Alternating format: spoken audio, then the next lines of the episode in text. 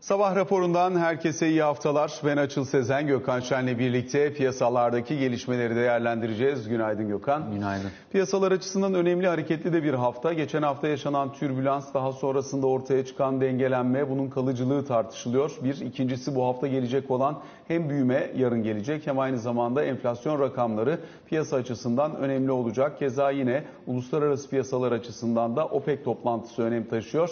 Hatta burada varyant üzerinden gelen tartışmaların yarattığı etkiyi biraz daha net olarak görebilmek için OPEC'in kendi kararını ertelediğini de görüyoruz.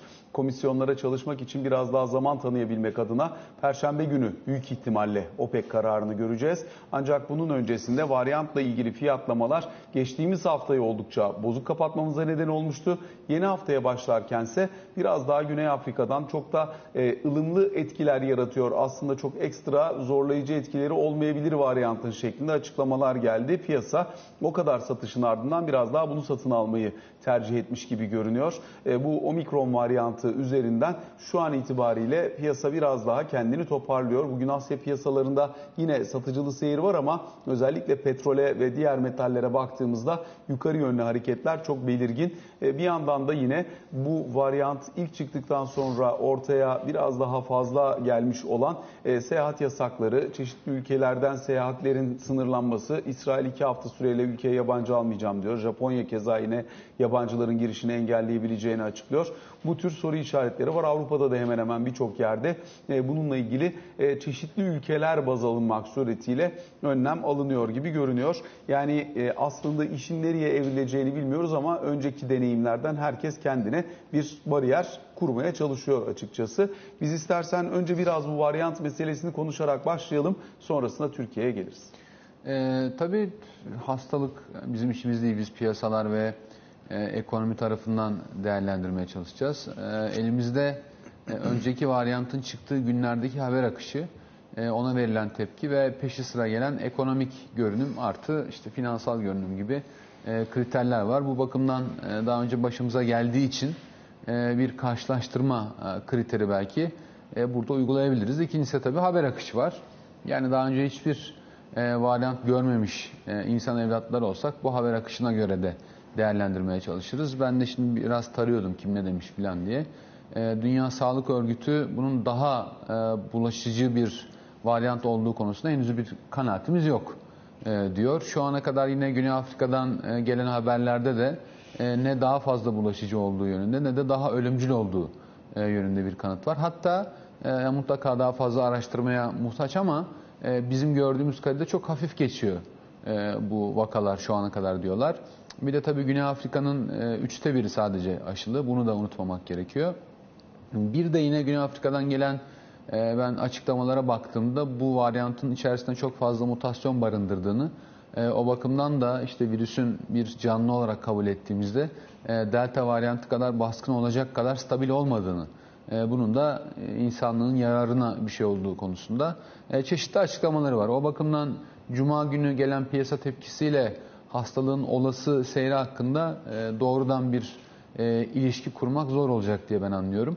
E, ben birazcık daha Cuma günkü piyasaların satışını psikolojik olarak e, yorumluyorum açıkçası. Hiç kimsenin e, gerçekten e, herhalde karakteri, hayatı filan müsait değil yeni bir varyanta diye tahmin ediyorum. Yani yeni bir varyant daha gelse bir daha kapansak, işte aşılar etkili olsa olmasa filan gibi e, hiç kimsenin kaldıracak gücü yok. Bir tek Moderna'nın CEO'sunun burada yapmış olduğu açıklamalar var. Yani aşıları belki etrafından dolanabilecek yeteneğe sahip olabilir. Yeni bir aşı gerekebilir. O da hani hemen 2022'nin başına olmaz ama başlarında bir yerlerde yetiştiririz falan diyor. Yani bu konudaki en belki karamsar olabilecek açıklama o ama onun haricinde biraz daha ılımlı gideceği varsayımı şu anda hakim tema olmuş. E, evet şey öyle yani ben öyle okuyorum haber akışını ama tabii Cuma günü e, bu böyle geldi, şu kadar kişide görüldü filan deyince doğal olarak piyasalar e, bir panik moduna büründü.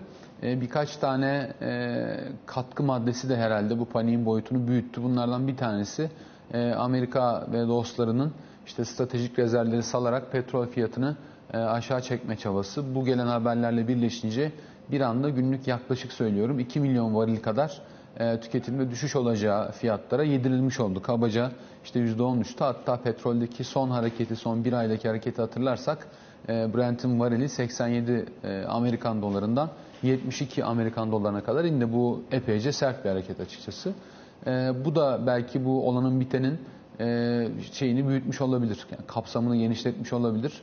Daha etkili olmuş olabilir. Bir de tabii değerlemelerin çok zengin olduğunu, yani çok daha düşük karlar için çok daha yüksek çarpanlar ödemeye piyasanın razı olduğu bir risk ortamına geldiğinde hatırlayalım. E, pek çok borsa rekor seviyedeydi. Hatta dolar ve euro cinsinden yine pek çok gelişmiş ülke borsasında e, çift taneli kazançlar ki %20'ler 30'lar mertebesinde e, kazançlar vardı. Böyle bir ortamda geldiği için de aşırı e, risk yaratmış olabilir. Şeyi de ekleyeyim en son onunla bitireyim. Yani niye bu kadar sarsıntı yarattı? Tabii yıl sonuna yaklaştık. E, büyük ihtimalle insanlar tatile çıkamadıkları için bu yıl işte o Christmas tatiline, Noel tatiline erken çıkacaklar. Yani işte aralığın son iki haftası de bildiğimiz tatil büyük ihtimalle bu hafta filan bir yerlerde başlıyor artık. O yüzden defterleri de biraz kapatma zamanı değil mi? Olabilir, böyle bir niyet olabilir. Yani lanet olsun diyerek bırakmış olabilirler. İşte Amerika'da zengin vergisi filan derken ufak tefek bir sürü bir konu var. Ee, ama zannetmiyorum ki Delta gibi e, baskın olsun. Tabii yani ilk görüntüler şeyler bunlar. E, toplayabildiğim kanıtlar bunlar. Bir de şunu hatırlamak lazım. Delta varyantı herhalde Temmuz ayındaydı. Haberleri ortaya çıkıp da varyantın baskın olduğu, işte o ana kadar ülkelerdeki her 10 vakanın yaklaşık 7'si 8'inin e, delta olduğunun açıklanmasıyla beraber filan da bir haber akışı ve varlık fiyatlarında baskı oluşmuştu ama e, çok kısa bir e, gerçeklerden yola çıkarak o günden bugüne ne oldu diye baktığında işte Temmuz, Kasım şartlar farklı mutlaka ama ekonomik çevrimde çok ciddi bir zarar bırakmadı. Tabii onun geldiği zaman işte Kuzey Yarımküre'de yaz aylarına tekabül ediyordu. Şimdi tam kış ayları, kapanma ayları böyle bir fark olabilir. İkisi arasında yine baktığında Delta ve Omikron arasında daha fazla insanın aşılı olduğunu hatta birçok ülkede booster shot denilen üçüncü dozlara da geçildiğini ve artık yönt, yani savaşım yöntemlerinin, yöntemlerinin çok daha güçlü olduğu kanaatindeyim ve piyasalar o günden bugüne de rekor kırmaya devam ediyor. O yüzden alt alta yazdığımızda bu şeyin yeni varyantın piyasalar üstünde ya da ekonomi üstünde ne kadar net bir etki bırakacağını bilmiyorum ama yani yeni bir varyant olması ve birazcık daha işte mutedil davranalım, e, tedbiri de elden bırakmayalım diye büyük ihtimalle her yerde bu seyahat kısıntıları, ülkeye yabancıların girişi falan gibi haberler söylendi, e, yasaklamalar geldi. Yine de tek tük vakalar var. Yani işte İngiltere'de şu kadar kişi, Avrupa'da bu kadar kişi falan diye e, rapor edilmiş. O yüzden artık belli ki bir yerlere girdi. Amerika şu ana kadar bildiğim kadarıyla rapor etmedi. Bizde de bildiğim kadarıyla herhangi bir e, rapor yok. Seyahat kısıntıları var. Bundan kaynaklanıyor. E, hastalığın seyrini ya da işte varyantın içeriğini bilemiyoruz. Ama şu ana kadarki haber akışı çok çok çok e, karamsarlık yaratacak nitelikte değil benim gördüğüm kadarıyla. O bakımdan piyasalarda ufak tefek bugün e, bir tepki vermeye çalışabilir. Devamında da hafta boyunca eğer ki konuştuğumuz gibi işte vakalar hafif geçiyorsa ne bileyim işte virüsün kendisi istikrarlı değilse filan e, insanlar hayatlarına devam edecektir. Ama bu tabii mesela havayolu hisselerinde, tüketim hisselerinde, ne bileyim işte Çin'de e, gazino, kumarhane neyse gibi hisselerde insanların gezmesiyle, tozmasıyla alakalı, mobil olmalarıyla alakalı sektörlerde birkaç günlük e, geçici yaralar bırakabilir. Onun devamı için bence konuşmak adına çok çok erken diye düşünüyorum açık. Şimdi tabii özellikle mesela Çin'den bahsederken orada sıfır vaka e, stratejisiyle hareket edildiğini biliyoruz. Bugün Sadi'nin notlarında gördüm ben de. E, eğer ki Çin diğer ülkeler gibi işte mesela İngiltere'de nispeten serbest, Avrupa'da daha serbest işte günlük 40-50 bin civarında vakalarla gidiliyor. Çin'de bu politika uygulansa günlük vaka sayısı 600 bin civarında olurdu diyorlar. Dolayısıyla bu hakikaten çok önemli ve Çin'in neden bu şekilde davrandığını akademik çalışma olarak bunu ortaya koymuşlar. E, bu şekilde davrandığını anlayabiliyoruz. Önümüzdeki dönem hakikaten e, bu açıdan da önemli olacak. Bu arada mesela Merck'ün bir ilacı vardı. E, bu ilacın da normal şartlar altında o e, koruyuculuk veriminin çok beklendiği kadar yüksek olmamasına rağmen FDA tarafından onaylanacağını dolayısıyla bir noktadan sonra bunun da bir destek hizmeti olarak özellikle aşı karşıtlarını biraz daha en azından koruyabilmek adına bir hamle olarak kullanılacağını da anlıyoruz. Yani aşı karşıtlarının temelde e, neye karşı çıktığını ben bilmediğim için hap acaba işe yarar mı? Onu da kestiremiyorum. Yani sulu bir madde olması mı rahatsız ediyor, koldan girmesi mi rahatsız ediyor? O bakımdan hap bu endişeleri giderir mi? E, onu çok bilmiyorum ama e, bu herhalde hastalık işte çevrimlerinin yaşam döngüsünün falan daha ilerlediğini, artık işte hastalığın daha basit hale geldiğini, hapla da bazı tedavilerin olduğu yönünde belki psikolojik olarak e, etkisi olur.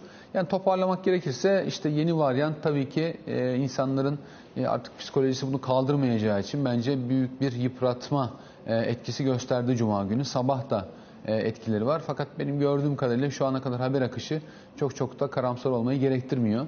E, o bakımdan benim okumam bu. Yani piyasa profesyoneli ya da işte ekonomi açısından okumaya çalışan biri olarak ama tabii ki son söz ve asıl söz e, tıp camiasında onu da söylemek gerekir. Şimdi piyasa fiyatlaması açısından bakarsak dolar endeksinin işte 97'lere doğru gittiği bir yerde Amerikan tahvil faizlerinin 1.65'lere doğru tırmandığı bir yerde gelmişti bu haberler. Dolayısıyla biraz daha güvenli liman arayışı, biraz daha farklı fiyatlamayla birlikte dolar endeksinde biraz geriye dönüş, işte euro doların yeniden 1.13'lere doğru yaklaşması, aynı zamanda Amerikan tahvillerinin de 1.5'lara doğru geri dönüşünü e, izlemiştik. Buralar şimdi eğer biraz daha geçen haftaki temaya doğru dönecek olursa bunun gelişen ülke kurları üzerinde falan bir parça baskı yarattığına şahit olabiliriz. Belki biraz da bunu değerlendirelim. E şimdi tabii tartışmalı bir durum.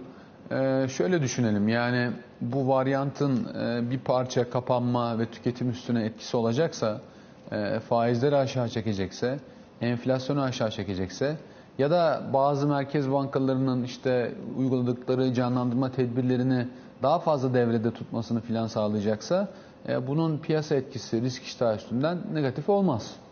Tersten düşünelim eğer ki bu çok e, söylendiği gibi hafif etkiler gösteriyorsa e, ve işte ne bileyim bizim ekonomik e, çevrimlerimize büyük bir darbesi olmayacaksa e, o zaman da e, yani herhangi bir risk aseti varlığı düştüğü yerden kalkacak demektir. Ben kısa vadede çok net bir negatif etki göremiyorum şu anki elimdeki bilgilerle. Ee, bizim tabii makro senaryomuz neydi? Dünyada yavaşlamış pik gördüğü yere göre fakat hala da çok kuvvetli büyüme. Özellikle milli hasılasına oranla canlandırma tedbirleri çok yüksek olan Avrupa, Amerika gibi e, gelişmiş dünyada büyümenin hızlı şekilde devamı. E, işte pek çok gelişen ülkede de faiz artışlarına rağmen e, iyi bir büyüme yılı 2022. Bizim öngörümüz buydu. Bunu da çok değiştirecek bir haber akışı olduğu kanaatinde değilim henüz. E, tabii senin söylediğin gibi Amerikan Merkez Bankası'nın, işte İngiltere Merkez Bankası'nın, daha ziyade G10 merkez bankalarının parasal sıkılaştırma e, iştahlarının kabardığı bir dönemde bunun gelmesi e, tabii ki şöyle bir sendelemeye sebep oldu ama yani ana plandan sapılacak gibi göremiyorum şu an. Oldu da etkileri kalıcı oldu. Diyelim ki Amerika'da enflasyon işte beklentilerden daha düşük hale gelecek. O zaman tabii başka bir şey konuşuruz ama ben zannetmiyorum ki şu an planda bir değişiklik olsun. Ya zannediyorum geçen haftaki en büyük korku zaten e, yüksel, çok yükselmiş bir enflasyonda eğer bir tur daha kapanmaya neden olabilecek bir varyant etkisi hissedilirse merkez bankalarının hem büyümeyi hem enflasyonla mücadeleye aynı anda taşıyamayacaklarıydı. Yani birazcık o sistemik tartışma ve çıkış stratejisi dönemine denk gelmesinden de panik oldu. E, eğer etkiler hafif olacaksa bu hani sadece akıllarda kalmış bir soru işareti olarak bir de şöyle, geçer. Şimdi traderlar ya da işte alım satım yapanlar tabii ki doğal olarak yani işlerinin e, çok önemli bir e, parçası olarak makro e, değişiklikleri işte hesaplayıp devamlı belki modellerine koyup ya da düşünce setlerine katmak istiyorlar. Ama bu makro değişkenler tabii günlük olarak fiyatlanmıyor ya da değişmiyor. Fiyatlanabilir ama değişmiyor. İşte örneğin böyle bir şey geldikten sonra hem büyümeyi hem enflasyonla nasıl mücadele yani onu görmek gerekir. Yani enflasyonun etkisi başka olur, büyüme etkisi başka olur.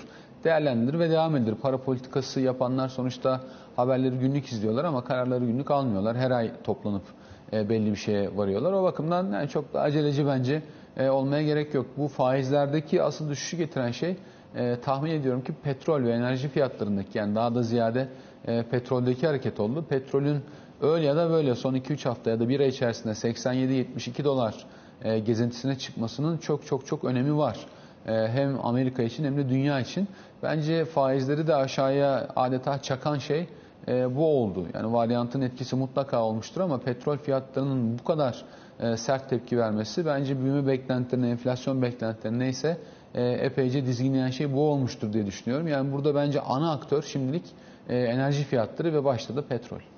Şimdi buradan geçelim istersen biraz daha bizim tarafımızdaki gelişmelere. Bizim taraf açısından bakıldığında Elbette yeni ekonomik model e, bu para politikasındaki tezahürü bundan sonrası için oluşabilecek fiyatlamalar bunlar çok ön planda kalmaya devam ediyor. Bu sabah baktığımızda 12.40'lar civarında bir dolar TL, 14 lira seviyesinde de bir euro TL var. Sepet kur 13.20'lerin üzerine gelmiş durumda bir kez daha.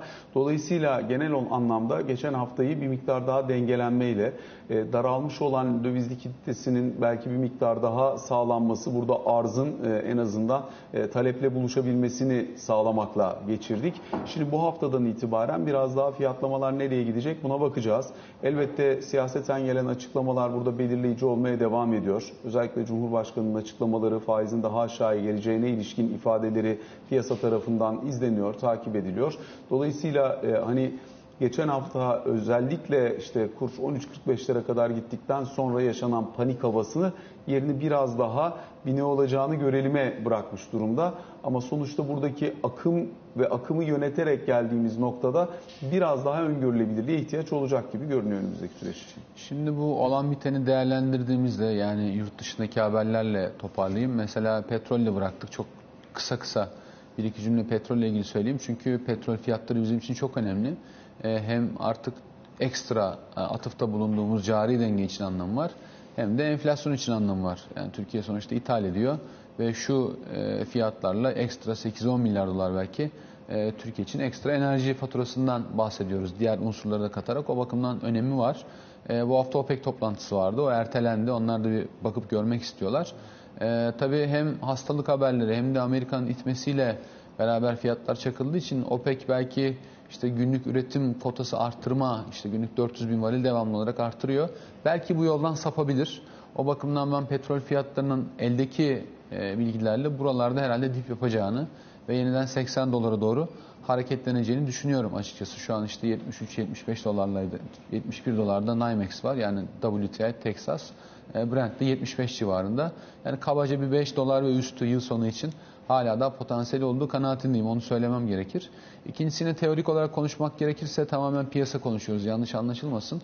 E, Amerika ile ya da dünya ile ilgili işte enflasyonu hafifletecek var olan mevcut e, faiz düzenini yani faizlerin artmaya doğru gittiği e, trendi bozacak her türlü haber normal şartlarda Türkiye için olumludur. Yani hastalık gibi geldiği için hani sevimsiz görünmesin. Yani bir yere diyelim ki göktaşı düşse uzaylılar inse falan o da iyidir. Yani çünkü e, şeyin e, parasal aktarım mekanizmaları açısından filan olumlu kabul edebilirsin. Teorik bir şey söylüyorum. Ama tüm bu olan biten de e, tabii henüz şeye yansımadı yani Türk lirasına yansımadı. Çünkü Türkiye'nin dışarıdan gelen haberlerle e, işte yön bulması ya da bunları pusula yapması e, konusu artık gitgide zayıfladı. Türkiye tamamıyla e, içerideki haber akışıyla e, yönetiliyor ve şu an Türkiye'nin e, fiyatlamasını yapanlar genellikle daha yerliler olarak herhalde kabul edebiliriz hemen hemen tüm varlık sınıflarında. E, onlar yüksek enflasyon ve yüksek enflasyona verilecek cevaplar arasında yanlış olanların öne çıkacağı e, kanaatiyle bir fiyatlama yapıyorlar. Şu ana kadar olan bu. E, bu tabi 2018 yılıyla da benzeşiyor. 2018 yılına geldiğinde e, hatırlarsan Türkiye bir işte politik e, baskı iklimindeydi. Amerika ile karşılıklı e, itişip kakışıyorduk. Biz onları sevmiyorduk, onlar bizi sevmiyordu filan. E, bir de Rahip Brunson krizi vardı. Bunun artık simge e, olmuş ya da işte vücut bulmuş haliydi iki ülke arasındaki e, krizin ve Türkiye'deki işte kur oynaklığı, kurun volatilitesi e, çok ciddi seviyelere gelmişti. Hatta kısa vade o kadar fırlamıştı ki daha uzun vadelere gittiğinde yani bu şeyin yapının daha aşağıya geldiğini, o yüzden kısa vadedeki riskin çok sert fiyatlandığını, işte CDS'in risk priminin zıpladığını hatırlıyorsun. Bir de faizler çok düşüktü ve faizlerin işte yanlış hatırlamıyorsam bir e, toplantıda da pas geçilerek arttırılmaması e, krizi iyice büyütmüştü. Temmuz toplantısı yanlış Temmuz toplantısını pas geçmiştik 2018'de. yani aylar şaşabilir ama kabaca böyle bir senaryo Yok, vardı. pas geçtik. Ağustos'ta zaten Artık, 7'sinde onun da kur krizi oldu. Şimdi o zamanki şartlarda benzeyen tarafları var, benzemeyen tarafları var ama sonuçta birkaç tane çok ciddi aynı anda etkisi olabilecek faktörün bir araya gelip kusursuz fırtınayla ne yazık ki Türk lirasına e, kur krizi yaşattığını, kur krizinin literatürdeki karşılığı da yani çok kısa bir sürede işte %30 ve üstünde bir ulusal para biriminin değer kaybetmesi olarak hatırlayabiliriz ki Ağustos ayında yaklaşık %50 değer kaybetmiş. Sonra bir parça işin tamiratı gelmişti. E, bu 3 tane 4 tane faktör birleşip bizi yukarı atmıştı. Peki o krizden nasıl çıkmıştık e, diye hatırlamaya çalıştığımızda Merkez Bankası'nın faiz artışı, hazine maliyenin para politikasıyla uyumlu seyredeceğine ilişkin algı. Orta vadeli program. Orta vadeli program ve sonrasında Rahip Branson'ın da salı verilmesiyle politik riskin düşeceği beklentisi Türk lirasını e, bu sefer e, 5 ciddi bir kadar getirdi. değerlenme e, şeyine sokmuştu, eğilimine sokmuştu. Fakat yani tüm bunları yani işte bir vakanüvis gibi aktardıktan sonra asıl önemli olanın yani işin felsefesinin tüm bunların devamında e, rasyonel, rasyonelden kasıt işte kitapta yazanların bir bölümüne işte denk düşecek şekilde ve insanların anlayacağı şekilde bir politika e, politika derken siyaset değil yani işte hazine maliye politikası, para politikası neyse bunların yürütüleceği beklentisi de aslında bu tüm bu hareketleri başarıya ul- şey ulaştıran. Şimdi baktığımızda e, o günle e, benzeşenler ve farklılaşanlar diye e, bugün yani Türkiye'nin herhangi bir e, politik üstünlük ya da tansiyon düşürücü hamle yapmasını sağlayacak bir, bir şey yok elinde. Yani hani bunu şakayla ifade edenler başka papaz yok diye ifade ediyorlar. Ee, daha aklı selim bakanlar hani politik riski düşürecek bir, bir gelişme beklenmiyor e, diyorlar. Faizlerin artması beklenmiyor. Çünkü zaten hem yeni indirildi hem siyaseten de çok güçlü bir söylem. Bir de ekonomik modelle uyumlu olmayacağı için e, siyaseten de intihar gibi görülebilir diye düşünülmüyor e, faiz artış e, opsiyonu. Oysa ki tabii çok güçlü bir e, silah bu. Bu bakımdan geriye e, baktığında aslında e, sadece şey kalıyor. Yani tüm bu olanların üstünden şöyle bir kafayı kaldırıp baktığında yani ileride rasyonel işte e, ekonomik aktörlerin anlayacağı şekilde vizibiliteyi artıran bir politik uygulanıp uygulanmayacak mı e, sorusu geliyor. Buna da bir yanıt bulunamıyor. Bence şu anki stresin sebebi bu. İşte bu sabah baktığımda mesela CDS'i 500 bas puanın e, üstünde görüyorum. E, Ve yine şu ana kadar işte bono fiyatlarına baktığında gerilediğini yani tersten ifade edersek bono faizlerinin yukarıya gittiğini, 10 yıllığın %21'i geçtiğini, e, kısa vadelilerin de 20'lerle flört ettiğini, Türk lirasının değer kaybettiğini ve banka e, kredi e, musluğunun şu an yani ikinci bir emre kadar öyle ya da böyle çok çok titiz davranılacak şekilde açılacağını, açıldığında da suyun maliyetinin yani kredi fiyatlarının ya da faizlerinin yukarıda olacağını ben anlıyorum. O yüzden yani net net baktığımda Türkiye'nin finansal koşulları e, daralmış gibi görünüyor. Gevşemek şöyle dursun. E, bu da tabii stres kaynağı oluyor. Ve az önce bahsettiğimiz gibi yurt dışında tırnak içerisinde TL için olumlu olmasını bekleyebileceğin gelişmelerinde herhangi bir etkisi olmuyor. O yüzden de alt alta yazdığımızda e, bundan sonra gelen makro verilerin e, vesaire filan çok bir anlamı olur mu TL için emin değilim. Olsa olsa e, uygulanan politika ile gerçeğin arasının açılmasına sebebiyet verir. O da ne demek? Yani reel faizin daha da e, derinleştiği negatif bölgede bir yere gidilir. Mesela açıklamalardan da görüyorum işte Türkiye'nin e, enflasyondan daha düşük faiz ödemek istediği filan. E, ama bu zaten var. Yani Türkiye zaten enflasyon çok altında faiz ödüyor. Hatta e, ilk çeyrek geldiğinde 30'lar civarı bir enflasyon diyelim ki 14-15'lerde bir politika faiziyle e, yani bu alanda kırılmamış bütün rekorları da e, zaten kırıyor olacağız biz. E, o yüzden yani alt alta yazdığımda TL'nin ne yazık ki şu anki e, sıkıntısının süreceğini ben e, düşünüyorum. Çünkü yani insanlar ne yapmaları gerektiğini bilmiyorlar. E, nasıl hareket etmeleri gerektiğini bilmiyorlar. Yani biz böyle bir e, model ortaya sürdük deyince o hemen kabul görmüyor. Çünkü onun hazmedilmesi lazım. Belki kimsenin göremediği ama hakikaten modeli tasarlayanların gördüğü bir başarı olursa e, önümüzdeki aylarda e, ondan sonra tabii ki fiyatlama da ona göre değişir. Niye değişmesin? Sonuçta herhangi bir finansal varlığı elinde bulunduran birinin e, tek amacı vardır. Yani işin özünde o da varlıklarını korumak yani para kazanmak elindekinden para kazanmak alternatif maliyetlere göre daha güvenli, daha yüksek getirili e, bir şey yapmak, e, portföy kurmuş olmak ya da neyse bunu herkes amaçlar. O bakımdan böyle bir başarı gelirse tabii ki e, insanlar buna çevirirler. Buradaki soru bence bu mesela iyi bir fikir olabilir ama diyelim ki fikrin gerçekleşeceği zamanla piyasa koşullarının gerçekleşmesi eğer ki uyumsuz olursa fikir de ölmüş olur. Türkçesi diyelim ki bu bir gün gerçek olacak. Diyelim ki 6 ay sonra. Fakat 6 ay gidene kadar işte enflasyon 30 ve üstüne çıkmış ve belirsiz bir eğilime girmiş. Kurda ne bileyim işte farklı yerlere gitmişse o zaman modelin de başarılı olma ihtimali kalmıyor. En azından Türkiye'nin geniş kitleleri için. Yani bunları herhalde filan değerlendirmek lazım. E, o bakımdan soruna verdiğim uzun yanıtın kısası e, şu an baskının devam edeceği yönünde. Tabii ki insanlar e, işin devamını merak ediyorlar ya da işte 12-12,5'tan e, işte gidip döviz almak e, yani zul geliyor olabilir. e, ya alsam kaça gider ya da çok yükseldi biraz bakayım filan diyorlardır. E, o bakımdan böyle gidiyor ama yani negatif reel faizin e, burada olduğu her gün ister istemez kur için e, yani taksimetrenin açık kaldığı anlamına geliyor. Benim gördüğüm bu. Şimdi istersen biraz bu hafta gelecek olan e, büyüme ile ilgili beklentilere de bakalım. E, Bloomberg ET araştırmanın büyüme anketine göre bakarsak 3. çeyrek büyümesi %7.8 bekleniyor. E, %7.8 büyüme ile birlikte işte en düşüğü e, %5.3, en yükseği 11.4 beklemiş. Böyle olunca yıl sonu itibariyle beklentinin de yine %9'ların üzerinde bir büyümeye işaret ettiğini net olarak söylemek mümkün gibi görünüyor. %9.7 ona yaklaşan bir büyümeyle yılı da kapatabilir Türkiye ekonomisi der. Bizim görüşünü aldığımız ekonomistler. E yani zaten işte sanayi verileri, işte sektör e, güven endeksleri, ne bileyim kapasite kullanım oranı yani alt alta sayabileceğim belki 7-8 tane e, yüksek frekanslı veri zaten buraya işaret ediyor. Bence zaten e, sorun 2021'i nasıl tamamlarızdan ziyade çünkü bunun yani herkes için anlamı çok e, düşük artık sonuçta yılı tamamlıyoruz. E, bundan ziyade gelecek yıla başlangıç ve devamı çünkü şu an çok öngörülemeyen bir şok geldi. Yani kur şoku e, böyle bir şok. O bakımdan şokun devamı ve finansal koşulların daha da sıkılaşması bence işte bizim çok pozitif olduğumuz 2022 yılı büyüme beklentilerine bir törpü getirebilir. Kaldı ki eğer ki aralık enflasyonu da yani benim gördüğüm kadarıyla 24-25'lere fırlayacaksa e, bu da sonuçta büyüme nominal bir iş. Bunu sen enflasyondan sıyırıp reel olarak açıklıyorsun.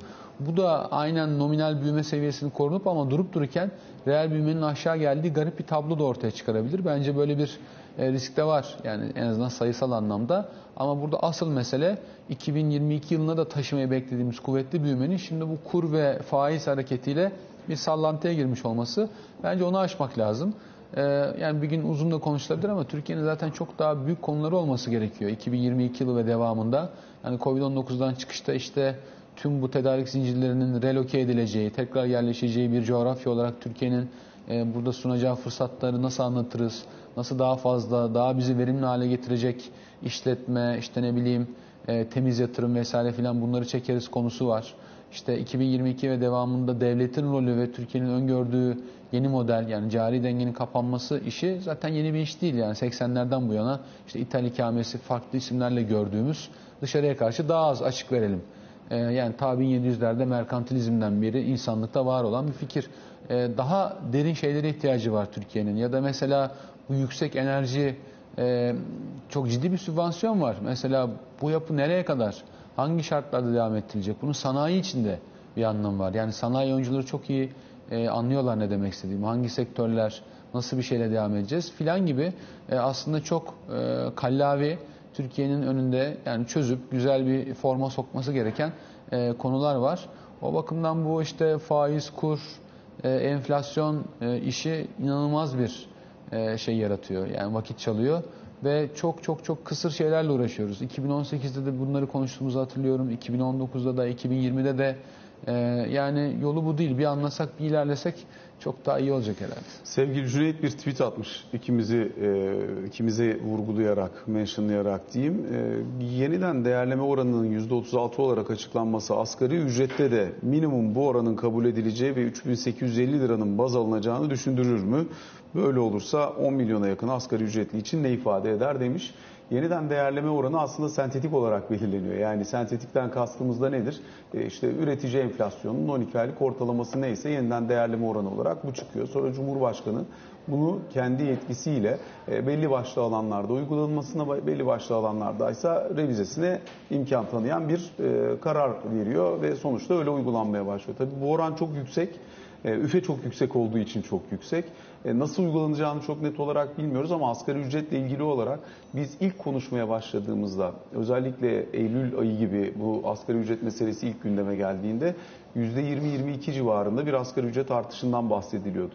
Sonrasında kur öyle bir seviyeye geldi. Enflasyon baskısının da öyle bir noktaya geleceği anlaşıldı ki böyle %20'lerle 25'lerle falan asgari ücretin e, kalmasının pek mümkün olamayacağı, dolayısıyla ileride gerçekleşebilecek enflasyonu da göze alacak bir e, kompanse metoduyla bunun belki e, giderilebileceği konuşuluyor.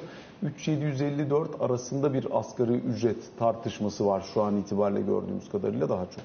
Ya bu yeniden değerleme oranı tabii e, anladığım kadarıyla Cumhurbaşkanı hala daha bir karar verip bunu farklı bir seviyeye çekebilir. Yani 36'yı 16 yapabilir, 6 yapabilir, 56 yapabilir değil mi? Doğru anlıyorum. E, şimdi onu bilmiyoruz. Fakat bu yeniden değerleme oranı işte o mekanik belirlenmesi filan her şey bir yana e, bir yandan da tabii devletin toplayacağı harçlarda, vergilerde filan e, bir- birçoğunda da belirleyici. Şimdi her şeyi geçtim çok kabaca yani rakamlara boğmadan şu an ben bütçeyi düşündüğümde işte benzin fiyatını sübvanse ediyor. Elektrik fiyatını sübvanse ediyor. Gaz fiyatını sübvanse ediyor ama korkunç oranlarda sübvanse ediyor. Yani çok kaba bir örnek vermek gerekirse geriye dönük baktığımda burada daha önce de konuştuk. 1,5-2,5 dolar arasında Türkiye'de 1 litre benzinin fiyatı geride kalan 20 yılda. Bugün o bandın minimumunu uygulasan yani 1,5 dolar desen zaten 18 lira olması lazım. Şu an istasyonlarda 9.90'lar civarında filan ya da 9.70'ler civarında filan geziyor. Kabaca iki katı. Ee, bunun tamamı bütçeden. Yani enflasyonist sonuçlarla mücadele etmek için çok kabaca söylüyorum benim hesabımla şu an 150-200 milyar TL'ye yakın Türkiye bütçesinden feragat ediyor. Yani bizim vergilerimiz şu an e, ona gidiyor. Bu da bütçenin zaten belirli bir oranı. O bakımdan işte hem şeyi artırmayayım, yeniden değerleme oranı daha düşük belirleyeyim, hem bunlarla mücadele edeyim filan bunlar mümkün değil. Yani mümkün değil çünkü hesap ortada. O bakımdan 36 olmasın, 26 olsun, o da şu olmasın, bu olmasın ama e, yani bu ortam böyle bir ortam. Tabii asgari ücrette %20'nin yetmesi artık mümkün değil. Ben de artık 4000 liralara yakın e, bir yer bekliyorum. Ama ne yazık ki asgari ücretli o da yani mutlaka özellikle ilk birkaç ay belki mutlu edecek. Yani Fakat 4000 lira maaş aldığı bilgisi onun için iyi haber olacak fakat 4000 lirayla alabildiği şeyin aynı olduğu ya da daraldığı bilgisi zaman içerisinde sirayet evet, etmeye sen daha güzel ifade ettin. Ben de onu demeye çalıştım. Peki kısa bir araya gidelim. Aranın ardından yeniden karşınızdayız.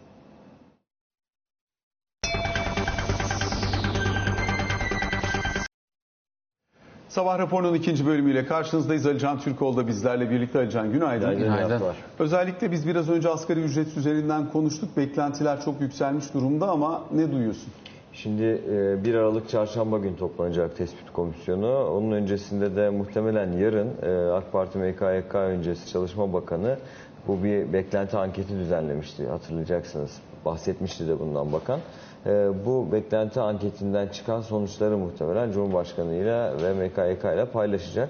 Dolayısıyla çarşamba günü görüşmeler başlamadan önce ki hem Türk İş'in e, hem Çalışma Bakanlığı'nda e, Aralık ayı itibariyle başlayan sürecin çok kısa bir süre içerisinde tamamlanacağı yönünde açıklamaları da var.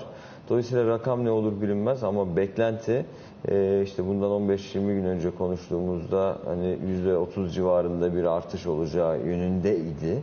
E, ama ben en azından son 1-2 günkü birkaç günkü konuşmalardan ve açıklamalardan en azından değerlendirmelerden işte 4000 lirına 4000 lira sınırına gelen veya 4000 lira civarında olan bir asgari ücret açıklamasının beklendiğini söyleyebilirim. Şimdi bununla ilgili olarak da bu noktaya nasıl taşınacak soruları var. İşte bununla ilgili işte kesintilerin yapılmaması, yani ne kesintiler işte SGK primi, işsizlik sigortası primi, damga vergisi, gelir vergisi bu kesintilerin yapılmaması birinin veya birkaçının veya tamamının veya e, asgari ücretten kesilen e, vergi kalemlerinin sayısının düşürülmesi gibi yöntemlerin hükümetin önünde olduğu ve bu konularda çalışmaların devam ettiği yönünde bilgiler var. Ama dediğim gibi zaten yarın anket sonuçları paylaşılacak. Çarşamba günü de komisyon toplanacak. Komisyonun toplanmasıyla beraber ne rakamların düşünüldüğüne ilişkin en azından resmi ağızlardan açıklamaları duyuyor olacağız. Zaten aslında bu hafta e, işte veriler anlamında oldukça yoğun bir hafta olacak. Bahsettiğiniz büyüme verilerinden de. Bunun dışında